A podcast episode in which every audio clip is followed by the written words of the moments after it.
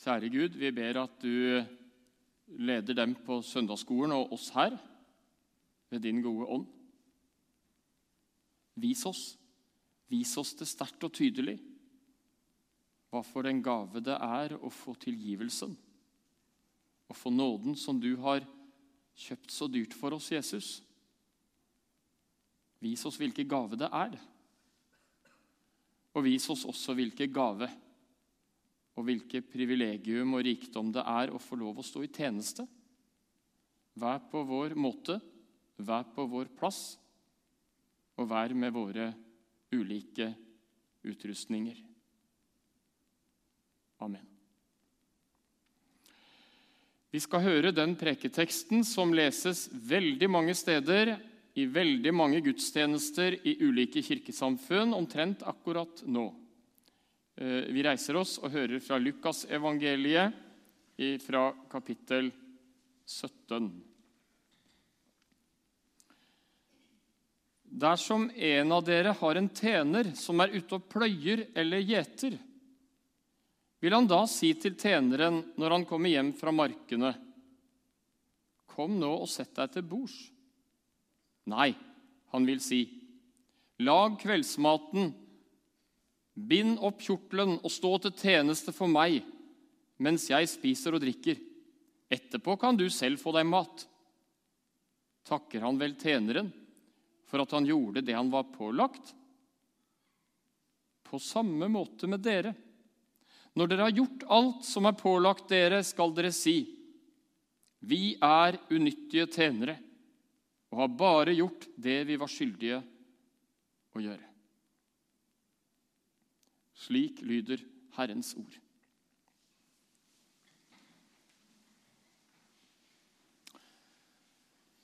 Jeg kjenner motstanden i meg mot disse Jesus-orda. Gjør du det? Jeg kjenner at jeg protesterer. Går det an? Går det an å snakke sånn som det her? Den stakkaren som går der i eh, et middelhavslands varme og sliter og arbeider fra tidlig om morgenen til langt utpå ettermiddagen og kvelden. Og så på toppen av det hele må trå til med husarbeid, mens da eieren eller herren eller hvem det nå er, sitter der og spiser sin mat, og stakkaren fortsetter å jobbe. Og som om ikke det var nok, så sies det at det er ikke nødvendig å takke. Takker han vel? Takker han vel den tjeneren? Eller han sier, 'Takker han vel den tjeneren?' Hva er det Jesus vil ha fram? Hva er budskapet med denne vanskelige teksten, som reiser så mye protest, og som reiser så mye motstand inni meg mot det som sies? Det er jo så mye i Bibelen som sier og løfter fram betydningen av å takke. Og som løfter fram hvor viktig det er og hvor grunnleggende det er å behandle alle, alle mennesker, uansett hvem de er, og uansett hvilken posisjon de er, med respekt og med verdighet og med høflighet. Og så får vi en tekst som smaker av guff, et gufs fra en tid hvor det skjedde mye som i hvert fall på den måten skjer langt mindre i dag. Et gufs av slaveriet smaker vi her.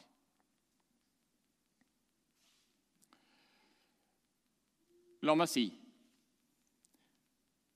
eh, Eirik, når du eh, skal håndtere dine ansatte i bedriften din, så er det ikke en instruks til deg hvordan du skal behandle arbeidsfolka dine. Og eh, jeg må jo si, Hvis Eirik hadde hatt den samme policyen der, så ville jeg advart folk. Ikke jobb for han.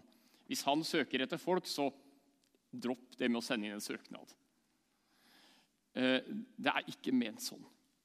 Det er ikke ment sånn. Men Jesus nevner noe som var vanlig, noe datidas tilhørere nikka gjenkjennende til.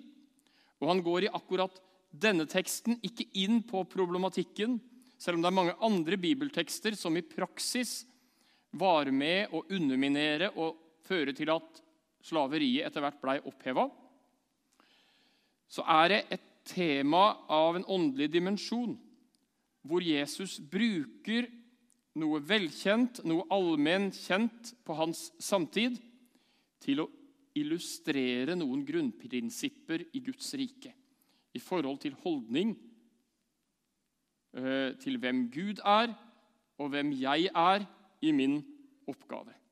Det er altså ikke en arbeidslivsinstruks som er gitt her. Eh, men det Jesus tar fram, er et anliggende som er veldig aktuelt i moderne menighetsarbeid. Som går rett inn i noe som angår oss, eh, som går rett inn i noe jeg trenger å bli stansa for, og du trenger å bli stansa for. Og enda Jesu ord i første omgang kan virke håpløst utdaterte, så har de et viktig budskap til oss som vi skal få stanse for, som vi skal få være stille for, og som vi skal få la oss veilede av i denne gudstjenesten.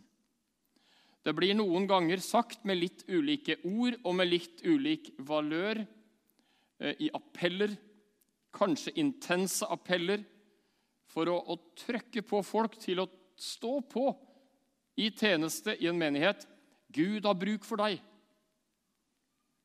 Jeg unngår bevisst å si det sånn fordi det kan så lett misforstås. Som en sånn eh, undertone av at 'stakkars Gud, hva skulle han gjort uten meg?' Det hadde blitt puslete greier. Eh, eh, ja, alle valører av, alle tendenser til, alle antydninger til den der, der skal parkeres, skal stables vekk skal settes inn i den blindgate det fortjener å være. Det er siktemålet. Det er budskapet i den vanskelige teksten som samler oss i dag. La du merke til høymessesalmen i dag? Gud er Gud om alle land lå øde. Gud er Gud om alle mann var døde. Petter Dass. Kraftfullt, poetisk, Eh, sies med fynn og klem. Det er noe befriende i det. Og det er et motstykke til en del av den Gud har bruk for deg-teologien. Det er noe hvilende som plasserer Gud som Gud og meg som den jeg er og skal være og bør være, og som det er best for meg og for alle at jeg er. Det plasserer ting i den rette posisjon til hverandre. Det er hva Jesus vil ta oss med inn i, i den teksten som stanser oss i dag. Alternativet fører lett til mismot. 'Dette er for vanskelig for meg, jeg klarer det ikke, det vokser meg over hodet.'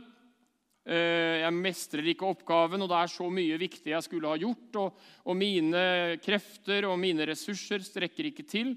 Så blir jeg sliten og mismodig og deppa og nedtrykt og hele pakka eller hovmodig fordi jeg av en eller annen merkelig grunn går og syns at andre jobber jo ikke så hardt som meg.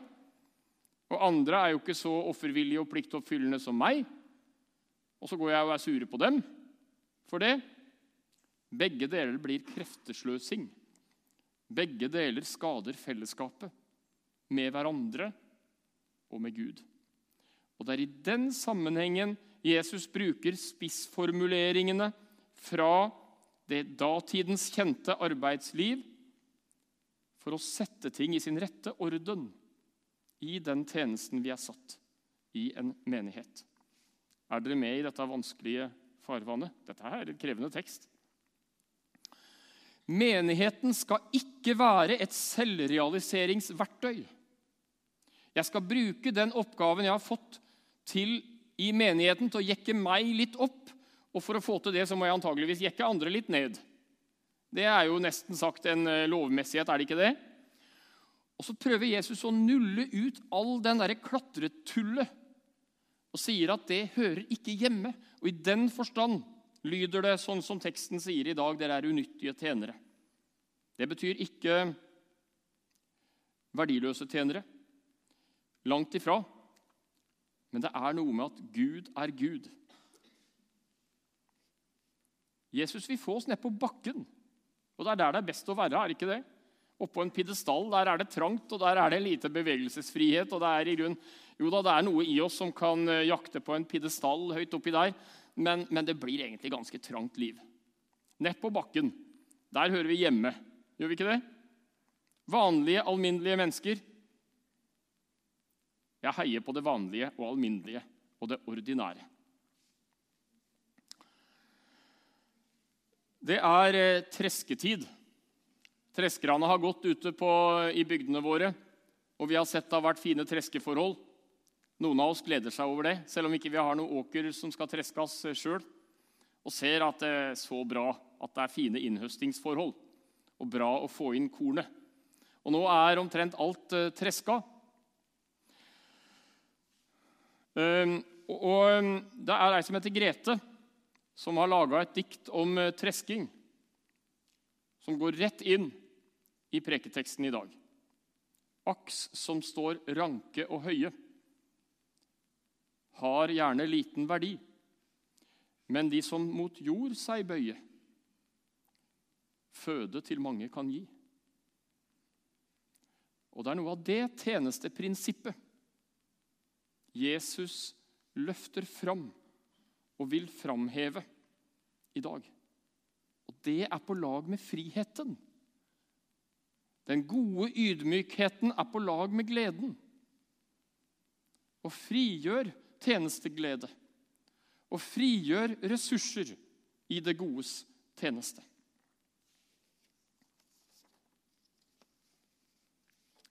Tjenesten kan bli en avgud.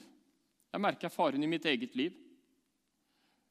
Og jeg må iblant be om tilgivelse. Jeg må iblant be om å bli rensa fra det av Gud i mitt liv. Tjenesten som en avgud. Min tjeneste som noe som skal realiseres. Og så må jeg hentes inn igjen. Så må jeg hentes inn igjen. Det er Gud som skal æres. Det er han som skal løftes fram, og vi som får lov til og er så heldige og privilegerte at vi får være hans medarbeidere på jord. Skandinavia har sendt mange misjonærer til fjerne himmelstrøk. Veldig mange de siste 100 åra. Og en av den eh, type misjonærtjeneste som jeg tenker ville ha vært ekstra stort offer for meg hvis jeg skulle hatt den tjenesten, det er de som har levd noen årtier på gigantiske søppelplasser. På Filippinene så fins det en del mennesker som lever hele sitt liv på gigantiske søppelplasser. Barna jobber fra morgen til kveld, omtrent som han der vi hørte om i teksten i dag, med å samle søppel. Litt av det de finner, kan de spise. De må lukte på det antageligvis for å teste om det er sånn noenlunde forsvarlig. Eh, og en del av det de finner, kan de selge og få noen slanter, så vidt at det bærer, og så vidt at de overlever. Å være misjonærer et sånt sted og prøve å jobbe for at disse barna kan få et litt sunnere og litt verdigere liv, det er en usunn arbeidsplass for en misjonær også. Og jeg misunner ikke de som har jobba i lang tid på den type misjonsfelt. Så var det en eh, svensk misjonærkvinne. Hun hadde jobba mange tiår. En krevende eh, misjonærtjeneste. Og Den gamle dama hørte på, de holdt sine takketaler. Og De gjorde sånn som vi ikke så sjelden gjør i takketaler. er det ikke sånn da? Male med litt brei pensel. Vi ville jo gjerne si noe ekstra hyggelig. Eh, og De malte med brei pensel om det store offeret denne dama hadde lagt ned til beste for de vanskeligstilte menneskene i det landet hun hadde gjort sin tjeneste. Og Så går dama opp på talerstolen, den gamle dama, og sier med beveget stemme én setning. Én setning. Tala, den svenske dama, tala inte om offer, tala om nåd. Da er vi rett inn i teksten i dag. Da er vi rett inn i den hemmeligheten som Jesus vil pakke opp for oss. Tjenesten er en nåde. Tjenesten er en gave. Du kjenner begrepet nådegave. Det har dette i seg. Ikke sant? Da blir det ikke så viktig å drive på sånn fisketur for å fiske etter berømmelse og prøve å lokke fram at noen skal skryte litt av noe jeg har gjort. Det blir ofte ganske slitsomt, gjør det ikke det? Eh, men en litt sånn trygghet på at det kan vi la litt ligge. Det kan vi slappe litt av for. Vi behøver ikke den fisketuren. Eh, tyngdepunktet, gleden, motoren i tjenesten er evangeliet ikke de medaljene jeg, medaljene jeg eventuelt kan høste av noens skrytende tilbakemeldinger. Og forresten, hvis vi skal drive og fiske etter skryt eh, De evnene vi har, de evnene du har, og de evnene jeg har, de har vi fått av Gud. Det er gave. Alt er gave. Og det kan spare oss for mye både mismot og hovmod og plassere det der det hører hjemme. Det er gave, og vi har fått ulike gaver i ulike mengder.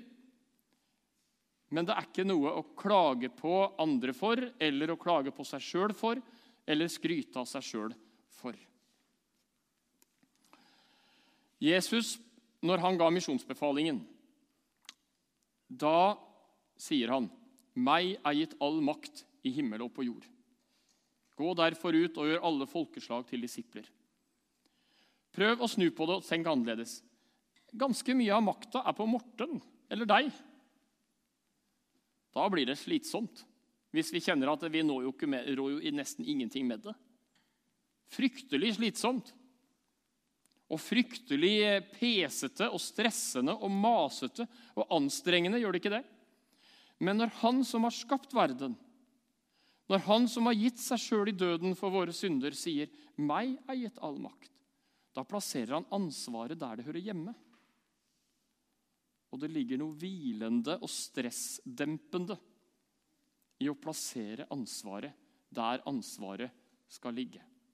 Det er hensikten med den på spissen-fortellingen Jesus bruker, og som er preketeksten i dag.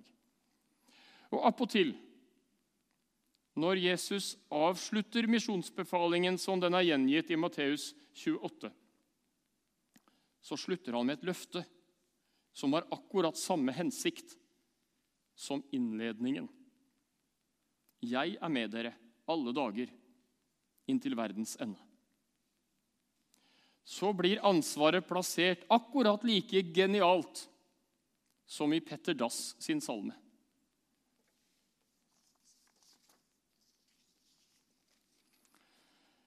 Jeg kan stå her og prate om dette. Det er ikke så vanskelig. Det er mye vanskeligere å leve etter det i praksis. Og, og jeg kjenner i mitt eget liv at jeg eh, går uh, skeis. Og jeg kjenner i mitt eget liv at jeg må snakke like mye til meg sjøl som til noen av dere. Og, og det er ikke lenge siden jeg gikk og bekymra meg og naga litt med noen sånne lite konstruktive tanker omkring det problemet at vi mangler søndagsskoleledere og gjerne skulle hatt flere søndagsskoleledere. Eh, og Så kom jeg i prat med Daniel fra Eritrea ved Langevannet. Og kom til å nevne for han om han kunne tenke seg å gå inn i søndagsskolen. Og det hadde han lyst til. Og han skal ta utdanning innafor området barn og ungdom på Re videregående skole. Nå er han en av de som er ute og gjør det bra for søndagsskolebarna. Det var bortkasta bekymringer, og det er det veldig ofte. Og jeg må hentes inn i det på nytt og på nytt. Hvem er det som leder denne menigheten? Det er ikke ledergruppa, dypest sett. Men det er Gud vi skal få hengi oss til og få overlate det til. Og det kan spare oss mange bekymringer og mange greier, balete greier. Og løfte fram hvor ansvaret ligger, og skal ligge og bør ligge. At det er selve nåden som skal være drivkrafta til tjenesten. Ikke idealisme, ikke masse visjoner som jeg hauser opp. Selve nåden, det at jeg er tilgitt og elska for Jesu Kristi skyld. Han som døde for meg. Hans tilgitte, elskede barn. Og så skal min tjeneste, deg som barn, din tjeneste, eh, deg som ungdom, din tjeneste være en liten refleks av det. Liten refleks av det. Av det Jesus har gitt deg. Et lite gjensvar. Litt à la sånn som månen er et eh, gjenskinn av eh, sola. Så kan vi ved vår tjeneste være en gjenskinn, et gjenskinn av den gode sol som Jesus Kristus er.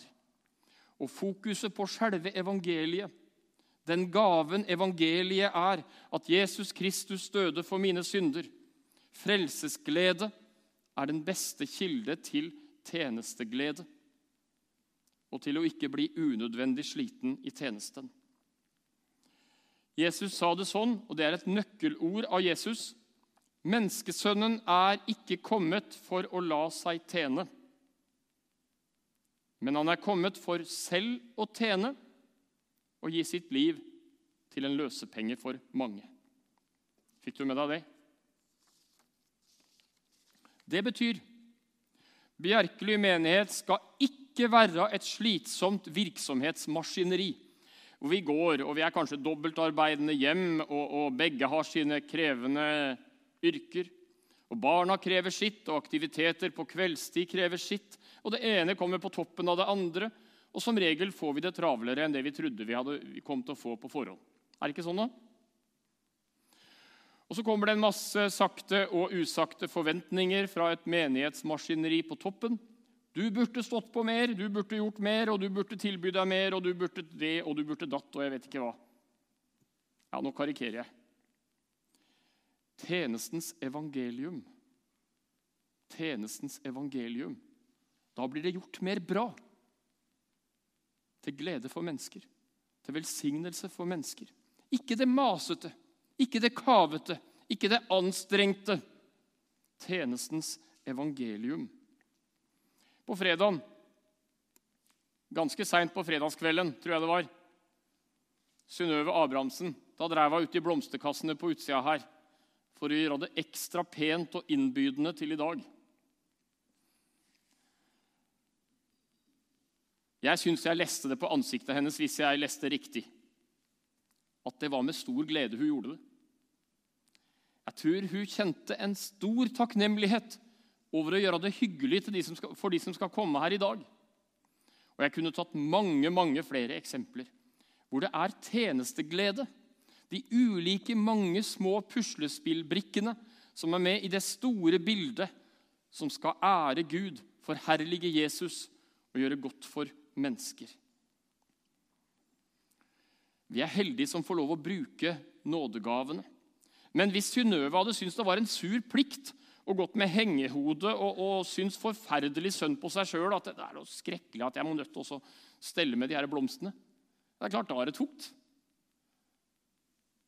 Ja, Til og med kaffen blir sur hvis den som skal skjenke kaffe, gjør det av sur plikt. Er det ikke sånn, da? Tjenesteglede. Vi er heldige som får lov å bruke nådegaver.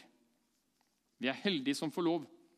Og Så sitter du kanskje her og tenker at ja, men jeg skulle gjerne hatt en tjeneste.